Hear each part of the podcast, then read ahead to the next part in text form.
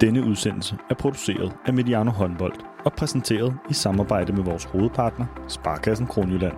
Mange af os oplever, at verden buller afsted. Men hos Sparkassen Kronjylland tager de sig tid til det, der tæller. Tid til at gøre sig umage. Det forsøger vi også på Mediano Håndbold. Sammen med Sparkassen Kronjylland tror vi på, at tiden vi investerer gør forskellen. Rigtig god fornøjelse.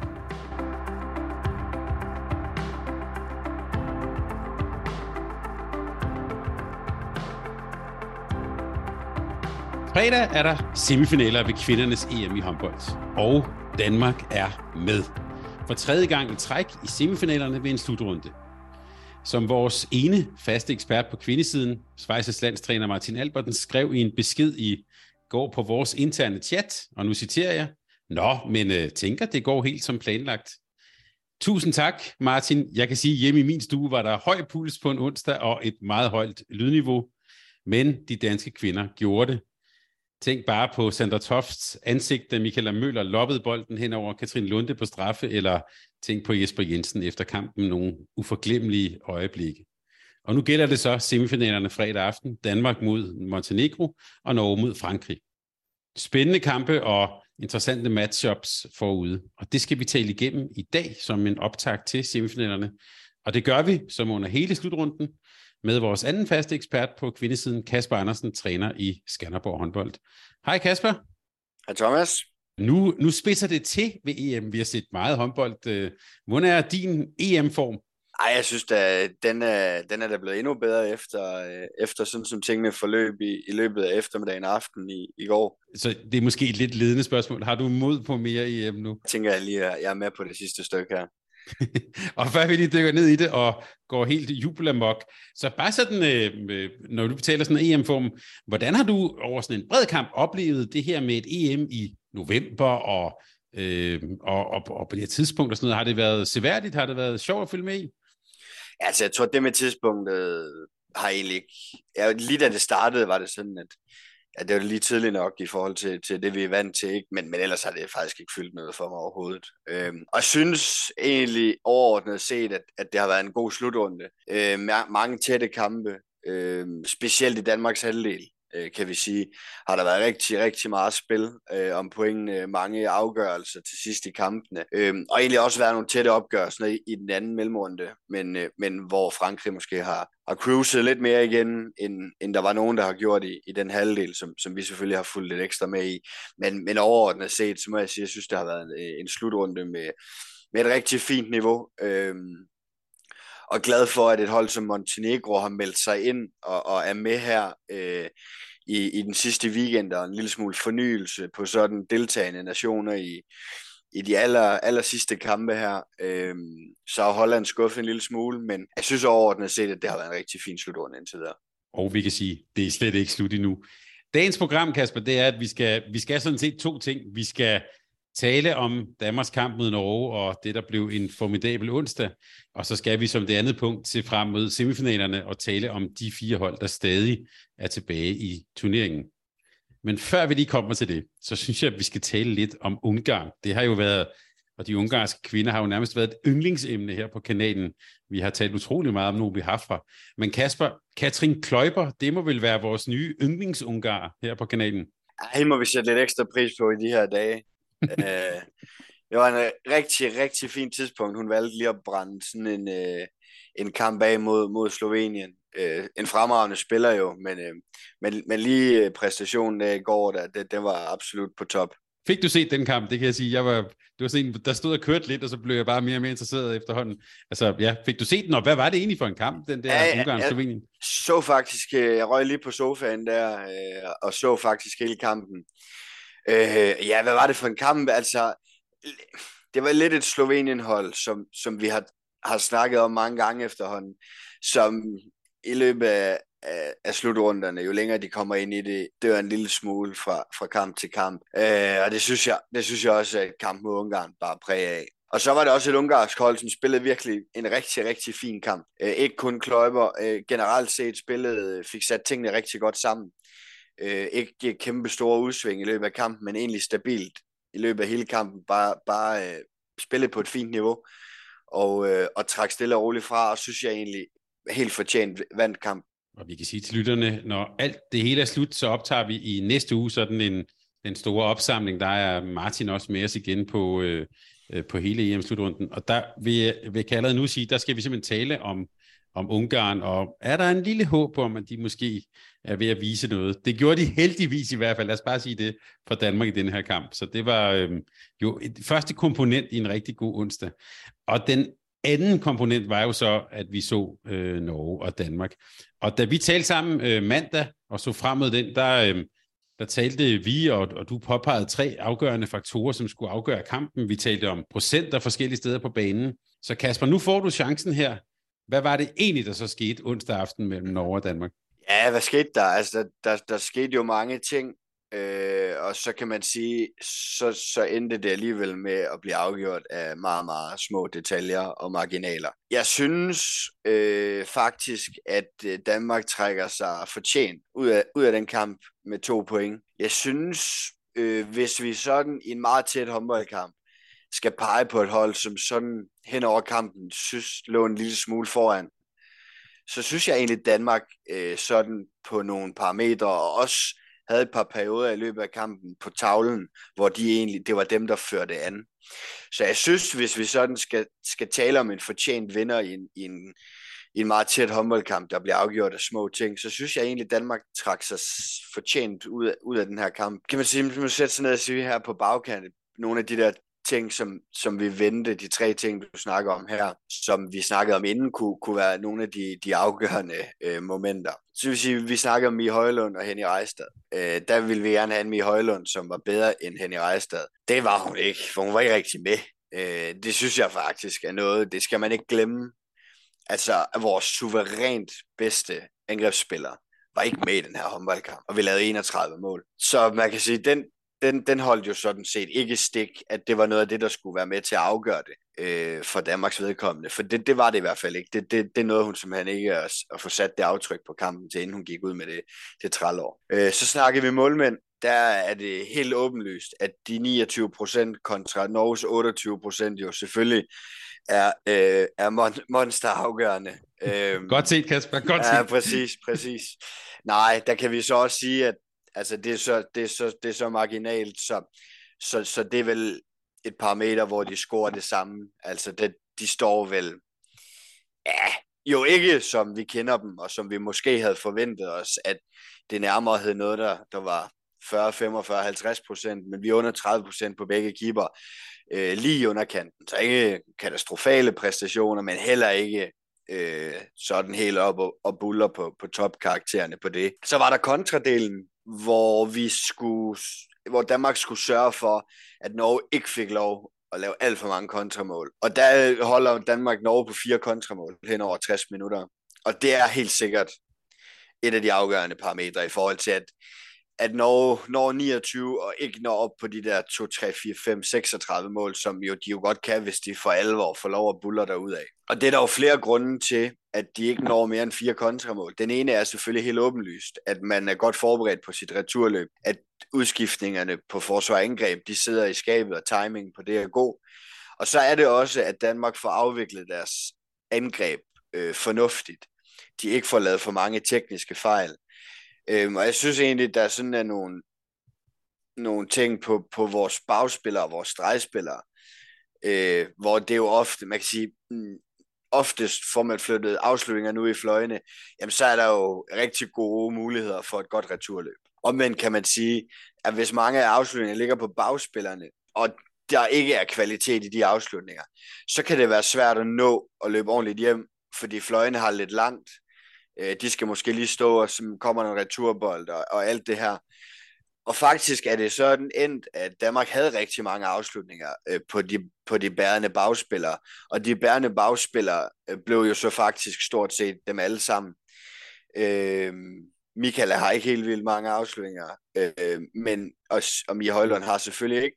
Men derudover Christina Jørgensen, Simone Petersen, de to højre bakser AM, de har rigtig mange afslutninger. Anne Mette Hansen er syv mål på 10 afslutninger. Vores to højrebacks er seks mål på 10 afslutninger. Vores stregspillere, de er fem mål på syv afslutninger. Simone Petersen 5 på 5, Christina Jørgensen 3 på 6. Så der ligger enormt mange afslutninger på vores bagspillere. der er selvfølgelig nogle ret gode procenter her. Det faktum, at vi har haft så mange afslutninger for vores bagspillere, og samtidig kun har lukket fire mål ind på kontra, er i hvert fald også et udtryk for, at vi har spillet vores angreb så godt, så vores bagspillere er kommet lige nøjagtigt i de situationer, som vi, man vidste, at dem vil vi gerne have dem i, så de andre har kunne begynde at løbe retur. Og så har procenterne været gode, det vil sige, så er det ikke blevet første anden bølge, så er det blevet noget hurtigt midt i Norge har skudt, og det tager imod væk virkelig lidt længere tid, og så er man nået at komme hjem og organisere sig. Så, så det er absolut meget, meget afgørende for, for det, som skete onsdag aften, og, og det, som gjorde, at, at Danmark endelig øh, fik, fik bugt med, med, med Norge. Kasper, jeg prøvede jo i går aftes at være en lille smule spion. Jeg fandt øh, en, øh, en video inden for det danske omklædningsrum, og så kunne jeg sådan affotografere, grabbe øh, det, den, den seddel på væggen, som Jesper Jensen havde hængt op. Og jeg tænkte jo, her står jeg med guldet. Man kan så sige, øh, måske de ting, der stod, var også noget, som, som vi havde talt om inden, så på den måde ramte meget rigtigt. Men der er en ting, der som, som, som, som faktisk understreger det, du siger. Der er sådan overstreget med rød, så står der, alle angreb, afslutninger er vigtige. Altså, øhm, og det er vel, understreger vel også den pointe, det der med, at altså, der var jo faktisk flere gange også, hvor vi spillede øh, til, hvad kan man sige, med armen oppe og sådan noget, men vi fik jo egentlig afsluttet de der ting, øh, og så kan man så sige, så var der en Mette Hansen, det der 23-23, helt op i hjørnet, men, men, men det var vel også en bevidst strategi at, at få spillet det helt ud i virkeligheden? Helt afgjort. Øhm, og Danmark er øh, på 0 kontramål. Så Danmark er ikke kommet for at sætte øh, helt vildt meget fart på øh, og spille med høj risiko. De er kommet for at øh, spille sikkert, ikke aflevere alt for mange muligheder til Norge for at, at få gang i den kontramaskine. Så, så, så det er helt afgjort. Øh, helt afgjort. Et, et, et, og det, det er det for mange, der møder Norge. Altså det er jo rimelig efterhånden velkendt, at den der kontramaskine, den har, den har taget livet af rigtig mange. Så, så helt afgjort. Øh, Danmarks egen kontrafase, Danmarks eget stationære angrebsspil, er øh, det helt store våben i forhold til, til Norges kontrafase. Så det, det kommer de bare sindssygt godt i mål med at få afviklet rigtig, rigtig godt. Før vi lige øh, kigger videre på, på, på nogle af sådan, jeg vil næsten sige hovedpersoner, eller nogle af de ting, som også er afgjort til Danmarks fordel, øh, vi skal blandt andet tale om 7 mod 6, som vi to har talt om tidligere, øh, så kunne jeg godt tænke mig, at vi lige spiller den over på den anden side af banen, over til Norge. Øh, Altså, jeg sad ved den tanke, da Danmark fik de her to udvisninger til sidst, så sad jeg bare og tænkte, nu sker det fandme igen. Altså, ja. at, de, at de henter os. Jeg, jeg var ved at bide et eller andet, men det, det lykkedes så heldigvis. Der var, har vi også haft et andet tema undervejs i slutrunden, som har været lidt det her, hvis jeg sådan skal kode lidt ned, det her med at, at spille med et koncept, eller spille med noget, som er sådan øh, fleksibelt. Og, og, og jeg tænker også, at det i går måske var et norsk konceptspil, som jo nærmest har kørt i, i, i, i, i flere årtier, over for Jesper Jensen, der faktisk prøvede hele tiden at, at flexe lidt med opstillinger og med 7 med 6 øh, og så videre. Min tolkning er, at han sætter Brejstøl ind i første halvleg, hende har vi store vanskeligheder med, men i anden halvleg der er det virkelig spidser til der opfatter jeg lidt, at han så går, øh, så, så tør han ikke rigtig at spille hende ind, og så bliver det lidt altså mørk, Oftedal, øh, øh, Rejstad. Man kan sige, det er også en meget god bagkæde, men kunne han have været lidt mere modig? Det er jo ikke det, vi kender ham for, øh, uh, Thoria, men hvordan ser du det?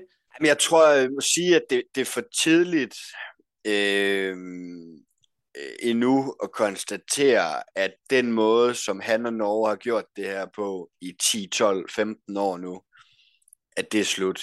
Eller at det ikke kan flytte helt så meget, som det har kunnet. Øh, det kunne det jo ikke i går, men altså, det vil jo ikke undre nogen, hvis Norge de vinder øh, over Frankrig i morgen, og vinder på søndag, på at gøre lige nøjagtigt det samme, som de gjorde i går og tabte mod Danmark til. Jeg tror, øh, jeg vil sige så meget, hvis de, hvis de agerer og, og, og, og håndterer opgaven Frankrig i morgen på samme måde, og det ikke lykkes, så er vi ved at være et sted, hvor vi siger, nu tabte de to meget, meget afgørende kampe på det, de gør, og det, de har gjort. Og det har de jo ikke gjort tidligere. De har godt kunne snuble en enkelt gang, men de har aldrig gjort det to gange i streg. Så, så at, at konstatere, eller øh, begynde at sige, øh, det er ikke nok længere på baggrunden det går, er nok lige der er grundlaget nok lige tyndt nok. Men hvis vi ser det igen i morgen, hvis vi ser det i en potentiel bronzekamp på søndag, at i de store afgørende kampe mod de store nationer nu her, der bærer det ikke langt nok længere. Så er det klart, så står Norge et sted nu, hvor de er nødt til at inden et øh, OL om ikke så forfærdeligt længe, og sige, hvordan vinder vi det guld der til OL? Fordi umiddelbart ser det ikke ud som om, at det her det, det, det er helt godt nok længere. Øhm, så kan man vente om og sige, er der så nogle, nogle kræfter, som ikke er med her for Norge, men som vil være med igen til OL i 24, som kan gøre det stærkere, det de har været vant til at gøre, og ja, det er der jo. Altså, der, der er jo en stregspiller. Der er to venstre fløje. Så det kan også være, at man bare går fra og siger, ja, ja. Men øh, mm. øh, der er snart OL, og så øh, de der powerhouses der rundt omkring, som vi mangler nu, de er tilbage igen. Øh, Veronika Christiansen, som jeg absolut ikke synes er den Veronika Christiansen, hun har været, men som jo kender det her game. Øh, så det, det ja, altså, ja, man har bare siddet med fornemmelsen omkring Norge sådan her flere gange tidligere, og det har bare vist sig hver gang at være snothammerende forkert. Så vi, skal, vi er nødt til at se det over flere kampe, måske endda også over mere end en slutrunde, før, før vi kan sige det. Altså fordi det har simpelthen været for godt et produkt i for lang tid til, at der ikke skal mere til end det her, før vi kan, kan sige, det, det var måske det med den her måde at gøre det på. Kasper, det synes jeg var en rigtig god måde at sige det på. Jeg har også noteret mig, at øh, hvis der er nogen, der vil sige, at det her det er sådan en form for tronskifte eller sådan noget, så vil jeg sige, øh, spis lige brød til. Øh, ja. Det tror jeg absolut ikke, vi skal sige noget som helst om. Men om ikke andet, så var det vel et signal om, at, øh, at Danmark er øh, i det der toppen efter Norge og Frankrig. Der er vi i hvert fald et sted nu, hvor vi godt kan spille med. Det kan vi vel godt tillade os at sige. Ja, det synes jeg godt. Altså, ja, det, og for mig er det ikke så meget egentlig, øh, det at vi slår Norge i går. Det er egentlig mere det her med, at nu er vi i finale weekenden igen, mm. for tredje år i streg. Det, det er absolut en bekræftelse af, at det er der, vi er nu. Så kan det godt være, det smutter. Men hvis vi spiller fem slutrunder, og vi har en 3-4 semifinaler, jamen så er vi jo der. Mm. Altså så er vi jo der, hvor vi er en top 4 nation. Øhm, og så er det klart, at, at, at det her med at, ah, Frankrig og Norge, det har været svært at komme forbi. Det er selvfølgelig yderligere øh, en bekræftelse af, at man måske kommer tættere på at få et mesterskab. Altså, fordi det er jo det næste. Det er jo super fint med en bronzemedalje sidst. Og det er heller ikke overhovedet øh, en skandal, hvis det bliver en bronzemedalje igen i år. Men det, som landsholdet gerne vil, det som alle jo gerne vil, det er jo at komme tilbage og vinde et mesterskab og chancen for at vinde et mesterskab bliver bare markant forstørret, hvis du oftere og oftere er med i semifinalerne. For jo flere gange du står der, jo dygtigere bliver du til det, øh, og, og åbenlyst, jo større bliver chancen for, at du på et eller andet tidspunkt, så rammer du en semifinal og en finale, hvor det hele, det, det, det, det passer sammen, og, og får det, det mesterskab. Jeg kan ikke lade være at tænke på igen, der er det lidt sjove, apropos Jesper Jensen og Lars Jørgensen, at det jo for mig minder rigtig meget om den gang, hvor Ulrik Vilbæk overtog de danske herrer. Altså, der var der også de der svingende resultater. Øhm, nu er der kommet den der øh, kontinuitet, og jeg kan huske, Ulrik Vilbæk også sagde, jamen hvis man spiller sig til de der semifinaler, jamen øh, så lykkes det også på et tidspunkt. Altså, øh, og, og det øh, svarer jo også meget godt til den der den pointe, du har haft hele tiden, det der med, at man skal vinde de kampe, man skal vinde. Ja. Øh, og hvis man kan det, og så samtidig også nu har bygget det der lige ekstra på, at nu har vi også den, slået den der mentale barriere, der hedder at slå Norge ved et stort mesterskab. Altså, så er det, det er ikke det samme som, at så er hele verden lavet om, men det er et signal om, at nu er vi der, hvor det er rigtig, rigtig skægt igen. Ja, og det giver jo en enorm tryghed, at de jo helt sikkert også nu, hen over de her tre slutrunder, har fået fornemmelsen af, jamen, vi slår dem, vi skal slå. Det ved vi, det stoler vi på. Og så må vi skulle gøre, hvad vi kan, når den hedder Norge, når den hedder Frankrig. Tager vi med to i en semifinal til Frankrig, ja, so be it. Men det, det er ligesom, altså, det, det, det der under Claus og, og det, der har været tidligere, hvor det bølgede frem og tilbage, altså, det, det, det, det giver jo en enorm usikkerhed og en enorm utryghed, som virkelig er svær at præstere under og præstere, når man er i. Og den, den usikkerhed og utryghed, den er jo helt fjernet nu, og den kommer jo ikke igen, fordi man taber til Norge, eller fordi man taber til Frankrig, men den kommer jo af, at man taber til Ungarn og Rumænien, og hvad de ellers hedder, hold, som man har en klar fornemmelse af, dem skal vi slå. Lad os lige tale et øjeblik om Jesper Jensen. Vi så ham jo faktisk meget rørt i går. Jeg kunne så se, at han altså, var også blevet drillet af Christine Jørgensen som en lidt tudefjes, men den moderne mand, som vi også har set med Kasper Julevand med mere. Øh, så respekt for det, øh, Jesper. Men vi så også, synes jeg, en mand med en klar strategi, og der, der er sådan en detalje, han sagde bagefter, som jeg vil ikke sige, at jeg undrer mig over det. Jeg synes, jeg er blevet bare lidt fascineret over det. Det her med, at han altså med vilje blev ved med sådan, at jeg må så sige, lave lidt om, altså skifte meget ud, 7 mod 6, så gik vi væk fra 7 mod 6, og så sagde han, og det kan godt være, det var en efterrationalisering, at det var også for, at de skulle øh, tænke på håndbold, og ikke tænke på, at vi ikke har slået Norge i 16 kampe. Men hvordan så du hans, hvad kan man sige, hans strategi i går? Jamen, der er heller ikke nogen tvivl om, og det, det, det fortjener vi også at, at sige her, at en stor del af sejren i, i går mod Norge, det, det, den ligger også hos det trænerteam, der er omkring holdet. Fordi det var en enorm taktisk affære, specielt fra Danmarks side. Øh, og må bare sige, de tiltag, de kommer med, øh, de ting, de får rettet ind, altså hvis vi skal, skal sammenligne nogle ting, så kan man sige, mm, det her øh, Christine Brejstøl, øh, Henny Rejstad noget, jeg sagde det også øh, i, i optagelsen senest, øh, som nogle gange og mod Sverige med, med, med Tyrak Snær, der kom ind, og netop gjorde noget af det, som måske kan gøre en dansk defensiv, som gerne vil stå tæt og kompakt usikker, nemlig de afslutninger fra distancen, fra Brejstø eller fra Henny Rejstad. Jamen det var der jo også lidt af i går. Men der var jo ikke 7, 8, 9 mål i en halvleg på det. Der var to fra Brejstøl.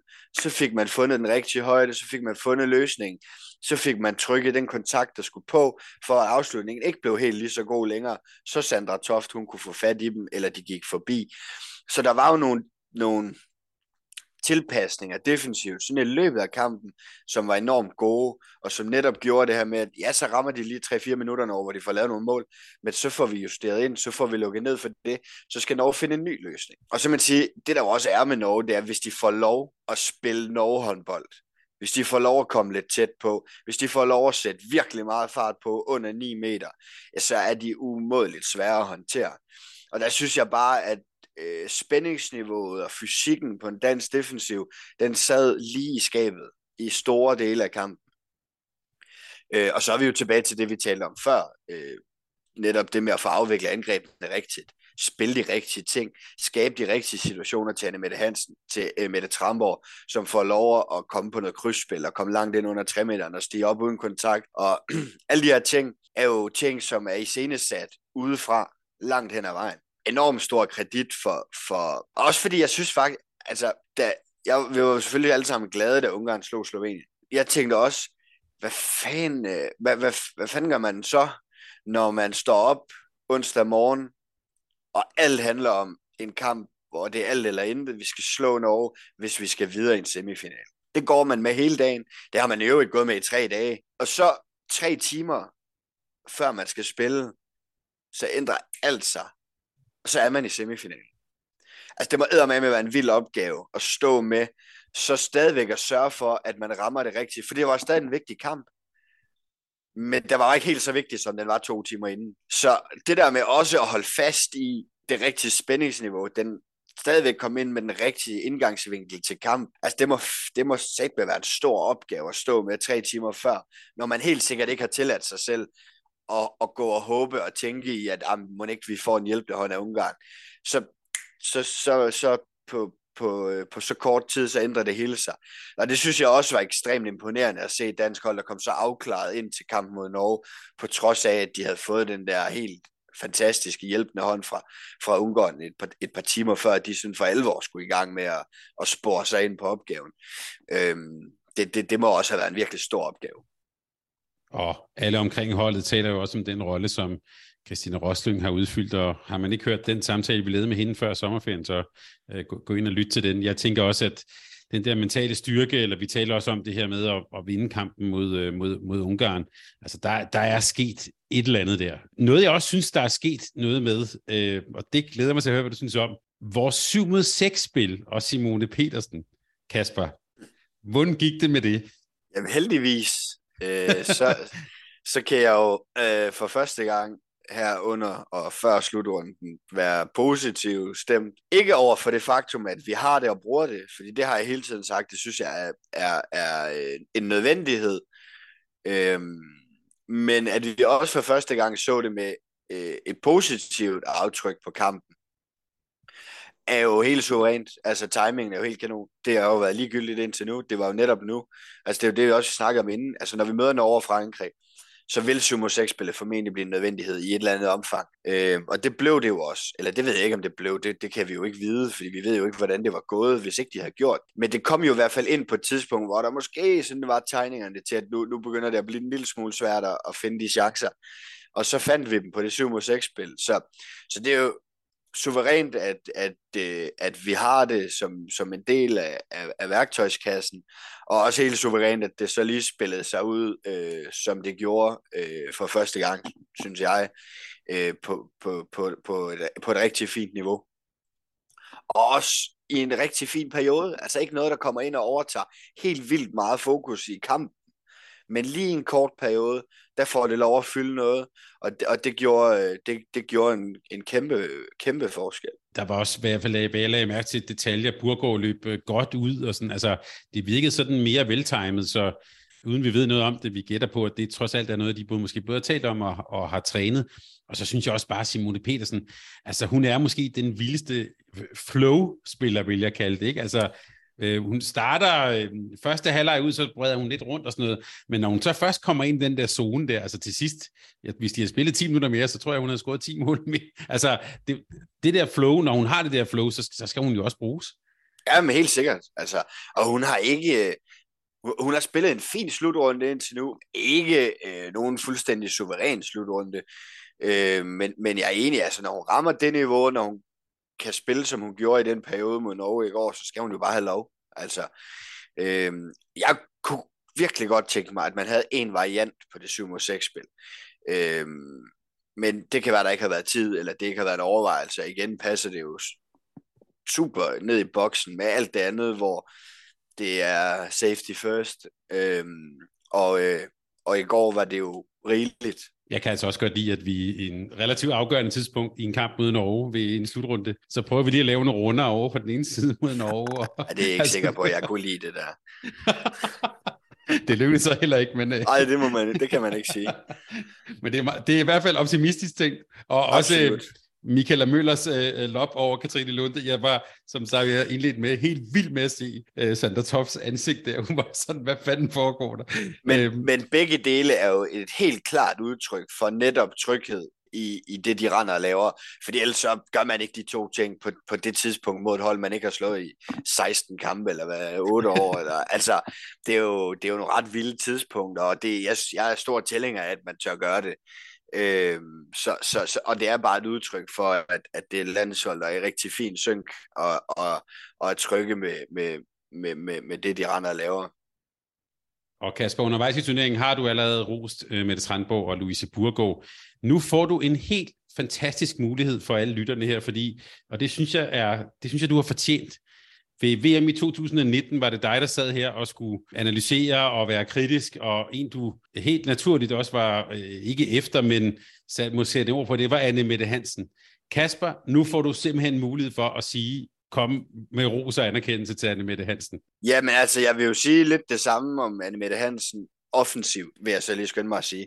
Fordi det har absolut ikke været det defensive der har, der har været et problem. Tværtimod har hun været mega vigtig for en dansk defensiv, og har været det i lang tid. Men øh, altså, som du, som du lige har sagt, så har jeg om nogen også været efter hende på det, der foregår i den anden ende. Øh, ikke fordi der har manglet momenter af gode ting, men fordi det ganske enkelt har været for svingende og for ustabilt. Øh, men jeg synes, og ja, det synes jeg egentlig, vi har set tegninger til over en periode nu, øh, at det er blevet bedre og bedre. Og hun har også virket mere afklaret og virket som om, at hun jeg tror faktisk, hvis ikke jeg husker helt, altså den første slutrunde under Jesper Jensen, tror jeg egentlig er den bedste slutrunde, med Mette Hansen spillede i meget, meget lang tid. Og der var det jo bare enormt afklaret. Altså det er det her, du skal, det er det her, I skal. Og det tror jeg egentlig er, er en rigtig, rigtig god måde at få Anne Mette Hansen til at, til at lykkes på. Og det synes jeg også var det, vi så mod Norge i går. En Anne Mette Hansen, som var ganske afklaret i, hvad det er, hun skal i de situationer, hun nu kommer ind i. Øh, og, og så tror jeg da også, at altså, hun starter jo sindssygt godt. Øh, og det må også give en, tryghed, men en tro på, at det her, det bliver min kamp, og det her, det bliver en god kamp for mit eget vedkommende, og det blev det. Altså, Øh, og helt, altså, helt fremragende 7 på 10, 3 assist og 0 tekniske fejl, synes jeg virkelig, man skal hæfte sig ved. Øh, fordi det er et af de ting, som nogle gange er for højt øh, for, for, for hendes vedkommende. Og og kunne have de tal mod et norsk hold, som stresser det, som har fin fysik, som har sindssygt meget bevægelse, øh, var, var absolut fremragende. Øh, og, og, og trådte vel for alvor også i karakter i Mie Højlunds fravær, og gjorde nogle af de ting, som Mie Højlund har gjort indtil videre, øh, været god i duelspillet, øh, kunne vinde en kant, trække en opbakning, spille Rik Iversen ind på stregen, og nogle af de her ting, så, så er det suveræn landskamp for, for, for hendes vedkommende øh, i begge ender. Bare til sidst, øh, noget du nævnte, de danske målmænd, Sander Toft startede jo nærmest helt mirakuløst, øh, og så ligesom Lunde falder hun lidt. Jeg, jeg sad og tænkte undervejs, skulle, det prøvede Thoria jo, skulle, skulle vi have skiftet? Ja, yeah, det synes jeg. Men der er heller ingen tvivl om, at nu, nu siger det igen for 16.000 gange, føler jeg. Men, men der er jo en enorm tryghed i, at Sandra Toft står i buret. Og det, det tror jeg helt sikkert, der er for Jesper Jensen. Ja, det er der afgjort. Det synes jeg heller ikke, der er nogen af dem, der lægger specielt meget skjul på. Øhm, men det er der helt sikkert også for, for forsvaret. Specielt i kampe som dem her. Øhm, så, så jeg tror, at det er en del af, af, af grundlaget for, at hun bliver stående. Men jeg synes, jeg synes, man i højere grad skal udnytte, jeg synes, jeg i øvrigt også Norge skulle have gjort. Altså, jeg synes også, de mm. gjorde det for lidt. Men, men jeg synes, man i højere grad skal ture og, og prøve at udnytte, at man har mere end en virkelig, virkelig god målmand jeg kan sige, efter det der øh, Altea kommer ind, Rejstad øh, øh, brænder straffe, der kan jeg da sige, at der var en herhjemme, der råbte, lad hende blive inden. Ja. Men, øh, det, men det, fik hun, det fik hun så ikke lov til. Men altså, ja, vi har, der er jo kvalitet derude. Så, så Kasper, det, ja, du har sagt, øh, ordet tryghed har vi talt om en del, men også, synes jeg, fra vores sidste udsendelse, meget interessant på, øh, pointe og statistik, du havde med med de få tekniske fejl, som du også nævnte omkring Anne Mette Hansen. Altså det er jo øh, alt, alt sammen noget, som Jesper Bensen talte om allerede i, i VM i 2020. Og at se det spille sig ud her har jo været en kæmpe fornøjelse. Kasper, nu kan vi så med øh, ro i sindet, han har sagt, eller med stor glæde se frem til semifinalerne, og øh, vi skal nu tale om det andet punkt på dagsordenen, nemlig de fire hold, der stadig er tilbage i turneringen. Det har jo været spændende i begge mellemrunder. Ja, Norge og Frankrig har måske skilt sig ud, så kan vi måske tage Danmark med, men de fire hold i semifinalerne, dem skal vi tale om nu. Og den første nation, vi tager dem simpelthen i den orden, de bliver spillet. Den første nation, vi har talt meget om Danmark, men Danmark skal jo møde øh, Montenegro. Vi elsker, jeg gør i hvert fald, Bojana Popovic med de opsmøjede ærmer. Øh, og så har vi talt om Radicevic. Jeg kunne høre nogen, der sagde, altså hvor mange gange skal hun egentlig græde og sige farvel? Det, det, det var jo sådan set, det er jo ikke hendes sidste kamp, hun har spillet, men, øh, men øh, det bliver jo så også, hvad hedder det, sidste slutrunde for hende. Montenegro står i en semifinal for første gang i otte år. Hvad er det, der er lykkedes for dem, Kasper? Ja, men det, det er jo selvfølgelig en, en blanding af, af, af flere forskellige ting. Jeg, må, jeg synes, altså øh, konceptet og, og måske sådan håndterer øh, Balkan, Montenegro, øh, måden at, at, at, øh, at præsentere sig selv på med en vanvittig energi og, og de her ting, som vi kender det for, det har de jo stadigvæk. Men jeg synes, det, det, der er ikke blevet skruet ned for det. Jeg synes måske, det er blevet pakket en lille smule bedre ind, sådan at bølgerne ikke er helt så, altså det ikke svinger helt så voldsomt, som det altså har gjort tidligere. Øh, der er stadigvæk en sindssyg energi, men jeg, jeg har sidder med, man, man sidder med en fornemmelse af, en lille smule mere kontrol med, med, med tingene nu, end der har været tidligere. Og det, det er helt sikkert, fordi at, at de har øh, den træner, de har, der, der har forstand, erfaring og, og så videre på spillet. Så, så, og det synes jeg er, er noget af det, som er lykkedes for dem hen over tid nu. Måske at, at få tilpasset tingene til hinanden, øh, så man ikke øh, spiller fuldstændig vildt øh, om lørdagen, og så om mandagen, så sejler man rundt. Øh, der, der synes jeg, at de er kommet lidt tættere på noget, som formentlig øh, stabilt over slutrunder vil, vil hjælpe. Så er der heller ikke nogen tvivl om, at havde de været i den anden halvdel, så, så tror jeg heller ikke, at de havde været med i semifinalerne. Øh, jeg synes, at det, det har selvfølgelig været en hjælp for dem, at Holland har underpræsteret ret meget efter et rigtig flot Golden League-stævne og så videre. Så har de slet ikke fået tingene til at, til at spille for dem her under slutrunden. Øhm, så har de jo vundet øh, de tætte kampe. Altså, de har været kølige i momenterne, hvor tingene skulle afgøres. Øhm, I en forholdsvis tæt kamp mod Polen endte de med at trække sig sejrsrigt ud af det øh, i en øh, meget, meget, meget tæt kamp mod Rumænien. Øh, trak de sig sejrsrigt ud af det, og så ja, kan man jo godt diskutere, om det var helt helt, øh, helt fair, at, at de gjorde det, men, øh, men det er selvfølgelig ikke deres, øh, deres skyld. Det var, der var to dommer, der i, i høj, høj, høj grad missede en, en voldsomt afgørende kendelse, som, som hjalp Montenegro. Så de har jo haft nogle margin de har været dygtige, når tingene skulle afgøres. De har haft nogle marginaler i de tætte kampe, og så har de også øh, selvfølgelig lukreret lidt på, at, at Holland har underpræsteret. Men men det, det kræver jo også, at man kan lukrere på det. Altså, de kommer jo ikke bare i semifinalen, fordi Holland har været dårlige. De kommer jo i semifinalen, fordi de har formået at lukrere på, at, at der var en af de helt store nationer, der ikke ramte det øh, i år under den her slutrunde. Og så, og, så, og så er det klart, så har de nogle profiler. Altså, øh, det, det, de har en, en Javkovic på venstre bak, som, som er en fremragende spiller, som er en spiller, der, der laver mange mål. Altså øhm, har, har spillet mange sæsoner i Champions League efterhånden nu, spiller på en stor adresse i Brest, som, som er som skal lave mange mål for dem, og, og som også er deres topscorer med 35 mål.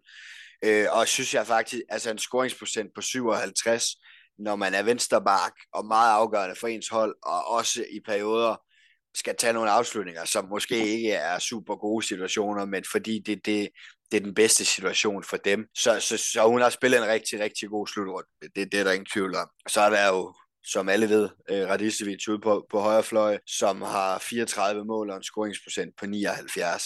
Jeg skal lige at de 35 mål for Javkovic er i åbent spil uh, for uden straffekast. Så har de uh, også, jeg synes jeg, en, en virkelig fin venstre fløj i Pavisevic, eller Pavisevic, jeg ved ikke, hvordan man siger det navn der, mm.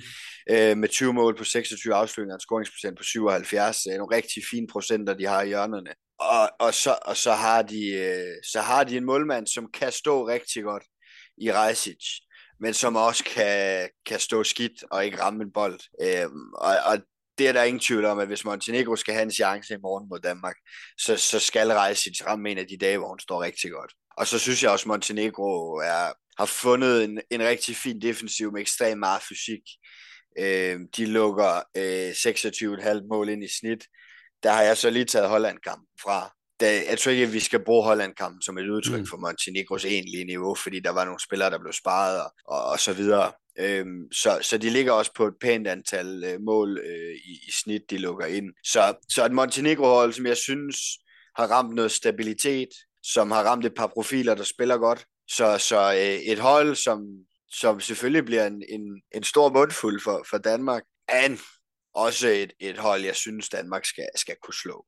Bare lige en sidste detalje omkring øh, Montenegro. Øh, Rejsevic, den, man kan sige, den, den, øh, den, den store, måske lidt aldrende stjerne, øh, fik jo det her øh, knæ i baghovedet, øh, og er ja, indtil videre tvivlsom. Men hvis man skal være lidt kynisk, er det, mm. betyder det så meget? Altså det, du nævnte hende heller ikke som øh, sådan her. Det, hun er vel ikke den sådan, øh, vigtige spiller, som hun var for Montenegro? Det er hun absolut ikke. Øh, jeg tror egentlig, øh, at hun er der øh, rigtig meget, fordi at hun har den erfaring, hun har, øh, og at der igen er noget tryghed ved at spille med hende. Hun har stået der i rigtig mange tilspidsede situationer, i rigtig mange minutter over mange år for Montenegro. Øhm, så, så på den måde tror jeg egentlig, hun er der, fordi at, øh, at hun har erfaring med, at hun er 10 mål på 22 skud, og øh, har ikke sat noget særligt stort aftryk på den her slutrunde. Man, man kan jo godt øh, tage den derhen, hvor man kan diskutere, om det egentlig er en fordel for Danmark, at hun ikke er med. Øh, fordi øh, der er nogle af de andre øh, bagspillere, som jeg synes er markant bedre, som ikke spiller helt så meget, fordi den den gamle gavede, hun, hun tager en del af minutterne. Og, og, og ikke en spiller, som står helt fint til, til, til den danske defensiv med masser af fysik. Så, så det, det, det tror jeg egentlig ikke er, er nogen specielt stor fordel for Danmark, hvis ikke hun er med. Hvordan ser du det danske forsvar i forhold til, til Montenegro? Altså nu nævnte du Jakovic, øh, stor, øh, øh næsten også, hun er jo ikke sådan den mest bevægelige, stor, stor skytte. Øh, jeg husker tilbage, at vi faktisk har haft øh, tidligere meget godt styr på hende. Hvordan, hvordan ser du det danske forsvar i forhold til Montenegro? Jo, men det, det, det er egentlig, det, det føler mig egentlig ganske tryg ved. Altså, øh, fysik og så videre, plejer ikke at være nogen stor udfordring for, for, for dansk forsvar. Der er masser af fysik. Mette Tramborg, Rikke Iversen, Heindal, Anne Mette Hansen. Masser af fysik til at matche det. Så det er jeg egentlig ikke specielt bekymret for.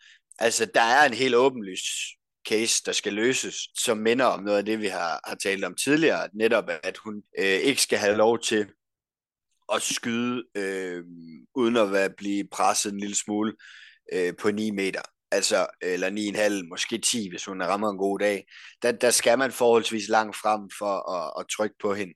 Og der kan man sige, Montenegros øh, fine procenter i hjørnerne gør selvfølgelig øh, det til en udfordring, der skal løses. Øhm, men det, det, det, det føler man jo egentlig rimelig, øh, rimelig tryg ved, at det skal man også nok kunne.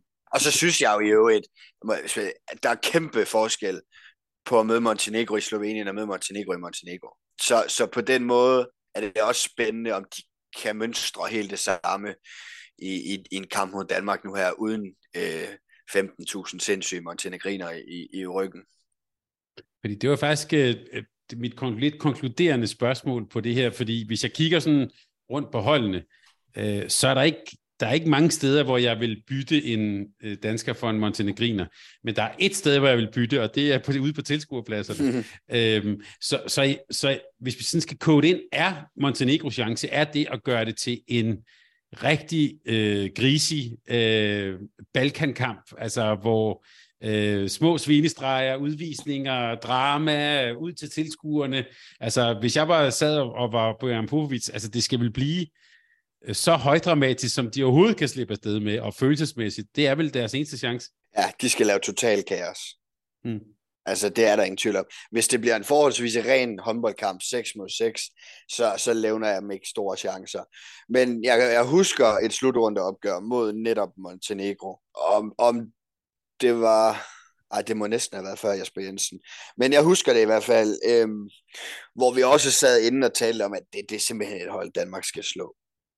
Og det var det også. Men så fik øh, Radicevic, og hvad de ellers hedder, sat 200 kilometer på alt, hvad der foregik i den håndboldkamp. Og tingene, de fløj fra højre til venstre. Der var ikke nogen, der anede, hvad der foregik. Og så tabte de Danmark. Så, så det er jeg helt sikker på, det er Montenegros chance. Det er øh, 200% fysik og fart og råb og skrig. Og, altså, det, de skal virkelig få lavet det til et gedemarked, det der jeg husker også, hvis man nu skal blive lidt dårlig humør, en OL-kvalifikation i Aarhus. Øh, altså, hvor, der var simpelthen bare noget indstilling og noget øh, vilje til forskel. Øh, det er jeg ikke sikker på, at der er mere, men øh, og øh, Radicevic og er også blevet ældre og så videre, men øh, men øh, der er ikke nogen tvivl om, at det, det, altså det er, som jeg ser det, det er deres eneste chance, og det gør det jo også til, et, til en farlig modstander. Hvis de får lidt sådan hvis det der bliver er... lidt det her Balkan og råb og skrigen og så videre. Det er også godt, halen er så stor, så det virker ja. måske ikke helt så voldsomt. Men der er ingen tvivl om, at det er jo sådan et hold, man skal forsøge at se, om ikke man kan sådan måske punktere lidt af det der øh, vanvid der, øh, så hurtigt som muligt, og ikke give dem alt for meget blod på tanden, fordi det, det, det, de bliver bare bedre og bedre med det der. Og der kunne også, det får vi så at se, Kasper, der, der kan det der vores fantastisk gode, gode 7-6-spil, det kan jo måske også være noget, der lige man kan bruge undervejs til lige at slå koldt vand i blodet, og nu tager jeg det lige roligt. Godt. Det, øh, er der noget mere, vi skal, vi skal nævne til den semifinale, andet end vi glæder os helt vildt til et spændende opgør? Nej, men jeg kunne se, at Bojana Popovic havde været ude og sige, at Julie Mathisen kunne blive en af verdens bedste, så kunne være, man lige skulle skifte hende ind til den kamp. Jamen altså, st- øh, jeg har sagt, stakkels Julie, ja. jeg så også godt det der klip der, hold nu kæft. Ja. Men ja, det jeg kom til at tænke på, da jeg hørte det, det er, jeg husker et uh, studie til en slutrunde for, og det er nok ved at være nogle år siden, måske 8-10 år siden, Bojana Popovic var i studiet og sagde præcis det samme om en anden dansker. Det var Louise Burgård. Mm. Og der var sådan lidt flirten med, at hun ville gerne have hende til, jeg ved ikke, hvor hun var henne dengang, i en eller anden Montenegrins klub eller et eller andet sted. Og, og det, der gik hun altså ind til nogle meget, meget hårde år, Louise Burgård, efterfølgende, hvor hun ikke var særlig god. Så jeg håber, at det går bedre de næste par år for, for, for Julie Mathisen, end, end det gjorde for Burgård de, de efterfølgende år efter, at Bojana Popovic, hun havde kaldt sådan en. Julie, hvis du lytter med, bare luk ørerne og udvikle dig i den, øh, i, i, og tage dig din gode tid. Det, det ja, skal nok komme. det, det tror jeg, det virker til, at hun har fuldstændig styr på det der. Ja, men det, er, det er også, hvad jeg har fået fortalt. Jeg synes faktisk også, hun virkede rimelig cool, da hun blev konfronteret med det. Men øh, ja, store ord, og øh, fra en meget, meget stor spiller, og nu også en stor træner, som har fået Montenegro, et lille land med, hvad er det, de har, 5.000 øh, kvindelige håndboldspillere, eller sådan noget, fået dem i, i, en, øh, i en semifinal igen. Lad os kigge så på den anden semifinal, og noget, jeg har virkelig glædet mig til, nemlig at tale om Frankrig. Vi har set dem, vi har set lidt fra kampene, vi har øh, hørt lidt, og, og jeg har været tilbage og kigge også lidt TV2 Play på dem, og så videre, så videre, så videre. Jeg får lyst til at simpelthen bare stille et spørgsmål, der, der hedder, har du nogensinde set Frankrig bedre end det, vi har set ved den her slutrunde? Og dertil, hvis det er et meget, meget, meget stort spørgsmål, øh, fordi de har ved Gud spillede nogle fremragende slutrunder. Det, det, det tror jeg ikke, jeg tør. Jeg er sådan enstemmigt hverken svare ja eller nej til. Men øh, jeg, jeg vil i hvert fald gå så langt øh, som at sige, at jeg synes, Frankrig har været det absolut bedst spillende hold under den her slutrunde. Øh, en enorm stærk sammenhæng i de ting, de foretager sig. Øh, den helt samme klassiske franske defensiv, øh, med masser af initiativ og energi og bevægelse, som, som vi er vant til at se, synes jeg er et fransk hold, som satser endnu mere på kontrafasen, end jeg synes, jeg har set tidligere. Altså det er virkelig et stort fokus for dem. Ikke fordi, at det ikke har følt noget tidligere, det har det. Men jeg synes virkelig, de har prioriteret den og virkelig trykket kontrafasen øh, i, de, øh, i de kampe, det har, øh, eller i hvert fald i de perioder, hvor kampene har stadigvæk har, har levet. Vil sige måske et fransk landshold, som i lidt mindre grad sådan er et øh, udskiftningscirkus, øh, som, som det har været tidligere, hvor udskiftningerne de hver anden minut fløj rundt. Der synes jeg måske, at vi der er der skruet lidt ned for, øhm, og det, det er selvfølgelig øh, også en del, et del af, af et udtryk for, at det, der sidder ude på bænken, måske ikke helt har det samme niveau, som, som man har set tidligere. Der er nogle, nogle store profiler, der er stoppet, øh, der er nogle store profiler, der er, er skadet og, og så videre, så på den måde har man måske skaleret en lille smule ned sådan, i forhold til fordelingen af minutter. Men, men, men et fransk landshold, som spiller super håndbold, øh, høj fart, øh, lavt fejl, lav fejlkvote, øh, bare enorm kreativitet, og så øh, med en øh, målmand, som virker til at trives rigtig fint i at være klokkeklart førstevalg. Øh, hun har stået en suveræn slutrunde indtil nu, der løb, og, øh, og står på 42 procent samlet over fem kampe. Det er altså meget, meget, meget pænt. Så, så er det øh, super, super, super velkørende øh, fransk landshold. En ting, jeg har bemærket, det er jo sådan noget, jeg altid kigger efter, det, det er det der franske øh, begreb, man har det der begreb, der hedder elan, altså som man kan oversætte med sådan begejstring eller holdånd, og som jeg jo altid synes, både kvinderne og også i særlig grad også tilbage i tiden, herrerne har haft, altså det der sammenhold. Altså jeg ser virkelig en gruppe, som jubler helt vildt, øh, når, når, øh, når der sker noget godt på banen. De virker også som, og det er typisk øh, Olivier Krumholz her, øh, Krumholz, altså det der med, at det er godt nok, virker det som sådan et enormt sådan øh, sammentømret gruppe. Men der er ingen tvivl om, at der er en sindssyg udstråling. Øh, meget, meget højt energiniveau. Øh, sådan på, på det samle, den samlede gruppe. Altså uanset om man spiller, eller man sidder ude, eller det, det, det er fuld energi øh, på, på, på, på alle parametre. Så, så der er helt sikkert en, en, det er helt sikkert en stor opgave at skulle håndtere øh, sådan en energi. På mavefornemmelsen synes jeg, når jeg har set dem spille, og det, det gælder sådan set også for Norge, altså jeg synes, der en ting, der kendetegner de to øh, hold, det er jo, at de, øh, ja, tempo og timing, de spiller vel, altså det ser ud som, de bare spiller hurtigere end de andre hold, når, når man ser dem. Det, det er højt tempo. Hvor, hvor, ved vi noget om, øh, altså er det højt tempo også med flere fejl, eller hvordan, hvordan, har, hvordan har franskmændene klaret sig der? Øhm, altså man siger, for i første omgang, så er det meget, meget høje tempo her, øh, resulterer i, i forholdsvis ofte ret store chancer, øh, og er, er, ret effektiv og, og har en samlet scoringsprocent, øh, sådan som hold hen over slutrunden på 65, øh, hvilket er rigtig pænt, blandt andet en lille smule højere end Danmark, som ellers også netop, har vi talt om, er dygtige til at afvikle deres angreb øh, og komme til, til fine chancer. Så på den måde har det resulteret i hvert fald i, at, at de kommer til mange store chancer og kan holde en, en ret høj øh, øh procent og, og på effektiviteten. Øh, på, på, på turnovers tekniske fejl ligger de med et snit på, på 11 stykker. Lidt ala Norge, som jeg talte om øh, forleden, da, da vi havde dem op og vende. Øh, det, det ligger nogenlunde i det samme leje, og der kan man, det er også to hold, der minder om hinanden, sådan tempo og fart, og, og jo markant højere end Danmark. Øh, men som, som absolut heller ikke spiller i det tempo, som Norge og Frankrig gør.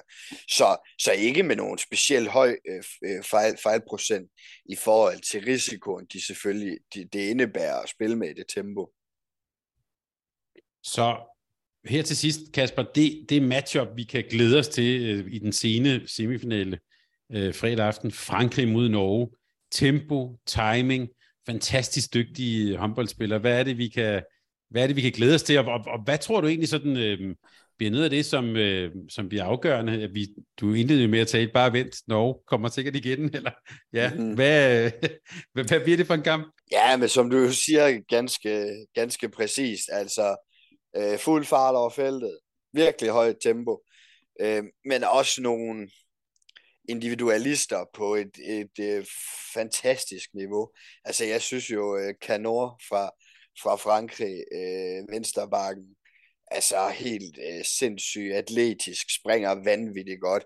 Altså hende og Henny Reistad på hver deres vensterbak, øh, og to spillere, der springer helt op under loftet, inden de finder ud af, hvad de vil med bolden, om, om, om de vil spille den ind på stregen, eller de laver mål. Altså virkelig to vanvittige individualister. En Semenko, Nora Mørk, øh, Stine Oftedal, masser af power. Ja, det, det, der, der bliver individualister fra alle pengene. Øh, på en helt anden måde, end, end vi vil se i Danmark øh, Montenegro, hvor, hvor det bliver meget mere kollektivt og, og, og så videre. Ikke? Så, så er der her bare nogle, nogle helt imponerende individualister og, og atletiske håndboldspillere. Så tror jeg, øh, det kan blive afgørende, at øh, Norge har øh, under den her slutrunde flere gange stået i, i tilspidsede situationer og kampe, der skulle afgøres til sidst. Øh, nogle meget, meget øh, sådan pressede kampforløb, hvor Frankrig øh, har en kamp mod Holland, de vinder med to, men, men ellers har, har danset sig lidt elegant hen over alle de andre. Og der kan man sige, det tror jeg godt, det kan være til Norges fordel, at, at hvis det kommer dertil, så har de stået der to, tre, fire gange nu her hen over den her slutrunde. Det har Frankrig ikke. Så kan man så vente om at sige, at der er en masse erfaring på det franske landshold i forhold til at stå i det. Men det er alligevel lang tid siden, man har stået der som gruppe. Så, så der kan blive noget der, hvis kampen er helt tæt til sidst, om Norge måske har en lille smule mere coolness, fordi de har stået der nogle gange nu her i, i de sidste to uger. Og ellers er det jo, ja, som jeg sagde i vores optag til Danmark-Norge, kontra målmænd, de store profiler, det er jo nogle af de ting, der, der afgør de her øh, kampe, som, som formentlig vil blive afgjort på, på marginaler.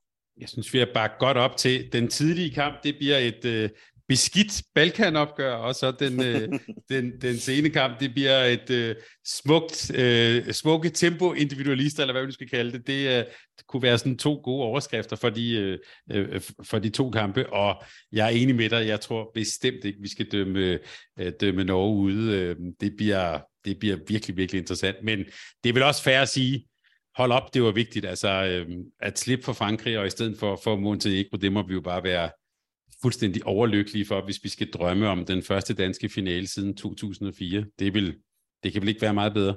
Nej, det tænker jeg ikke. Jeg er jo, det eneste, der er, det er, at jeg er jo, har jo sat mig selv i et lille bitte dilemma, øh, fordi at vi i optakten øh, skulle, øh, skulle fortælle, hvordan det kom til at gå. Og Martin har jo, har jo kaldt, at, at Danmark de bliver europamestre. Øh, og jeg har jo sagt, at Danmark de bliver nummer to, fordi de taber finalen til Norge. Jeg kan jo enormt godt lide at have ret, Øh, jeg, kan enormt, jeg kan også enormt godt lide, når Martin ikke har ret. Men, øh, men vi må, må nok konstatere, at det betyder trods alt mere, at hvis Danmark de kunne blive europamester, end, end at jeg får ret, og Martin ikke gør. Her vil jeg så sige, der går jeg altså med Martin. ja, ja, det kan jeg godt forstå.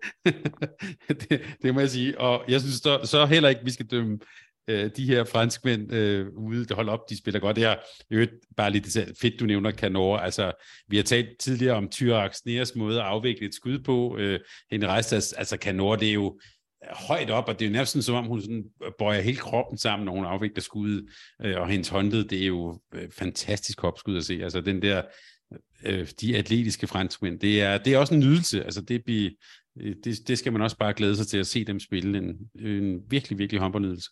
Ja, det er der ingen tvivl om. Ekstremt atletisk. Du har opfyldt din opgave. Vi har sat ord på, øh, øh, på Danmarks fantastiske onsdag, og vi har set frem mod øh, fredagens semifinaler, og du har gjort det på en måde, hvor jeg står her med smil på læben, og simpelthen bare glæder mig til at, at, at, at, at se de to kampe. Og i øvrigt er der jo øh, en, en kamp om 5. Øh, 6. pladsen inden mellem Sverige og Holland. Det plejer altid at være lidt, lidt noget kedsomligt noget. Og øh, til alle vores øh, gode svenske lyttere kan vi så bare sige øh, held og lykke, og så spiller vi så lidt semifinal øh, lidt senere. det, det er fordi, jeg har det problem, Kasper, nu kan jeg godt være ærlig over for dig og lytterne, at øh, øh, det er sådan lidt en uigen, hvad hedder sådan, uigenkaldt øh, kærlighed. Ikke? Altså, vi taler altid pænt om Sverige, og så får man kun sviner tilbage, så ja, så bliver man jo ked af det. Men Kasper, Danmark, Montenegro, Norge, Frankrig, Øh, er du klar på, at vi går i sådan en jubel-breaking udsendelse øh, fredag, hvis det går godt for Danmark? Ja, helt klart. Godt. Det er hermed så et løfte til, til lytterne, at øh, øh, vi ser lige, men altså sidst Danmark var i en øh, slutrundefinale var i 2004 i øvrigt mod Norge, apropos. Så øh, det, lad os se, om, øh, om det kan gentage sig. Vi krydser i hvert fald fingre og glæder os til fantastiske semifinaler. Inden vi, ja. inden vi runder af, Thomas, altså kan vi ikke lige, øh, hvordan går det i, øh, i, øh, ind på holdet.dk for dig? Ej, Kasper, det her, det bliver simpelthen klippet ud. Øhm, det, øhm, det, det går mindre godt, det vil jeg sige. Øhm, ja, men jeg vil så dog sige, at jeg er klar. Jeg har Canora og Tublanc og øh, der er løb med. De, skal, de kommer til at og, og, og kommer langt. Og så vil jeg allerede godt lige sige nu, øh, en spiller, der ikke klarede sig så godt, det var Emma Fris, men det tror jeg, hun gør mod Montenegro. Så øh, du får baghjul. Det er Hvordan går det for dig, Kasper, siden du spørger? Ej, jeg kravlet fint op på en 8. plads nu her, jeg tænker egentlig med i spillet øh, om at vinde her inden den sidste, øh, inden, øh, inden weekenden. Så, så det er vel, altså, det synes jeg egentlig er okay. Jeg synes, det er faktisk, jeg var meget færdig, du så spurgte. Det, for det var jo også... Ej, jeg har ikke spurgt, hvis jeg ligger nummer 32, det kan du være helt sikker på. det, kunne jeg, det kunne jeg godt regne godt. Jamen, øh, held og lykke til dig, og til også alle andre derude. Vi optager i hvert fald en opsamling på slutrunden øh, tirsdag, og der er Martin i øvrigt med igen, og så ser vi, hvordan det går over weekenden. På genhør, og god weekend, og rigtig gode semifinaler. Tak fordi du lyttede til en podcast fra Mediano Håndbold. Hvis du kunne lide udsendelsen, så husk at abonnere på Mediano Håndbold, der hvor du hører din podcast. Så får du den seneste udsendelse serveret direkte til dig. Du må gerne fortælle dine venner om os, og husk at følge os på Facebook, Twitter og Instagram. Mediano Håndbold kan lade sig gøre på grund af Sparkassen Kronjylland. De er med Mediano Håndbold og det kvindelige danske landshold. Tak fordi du lyttede med.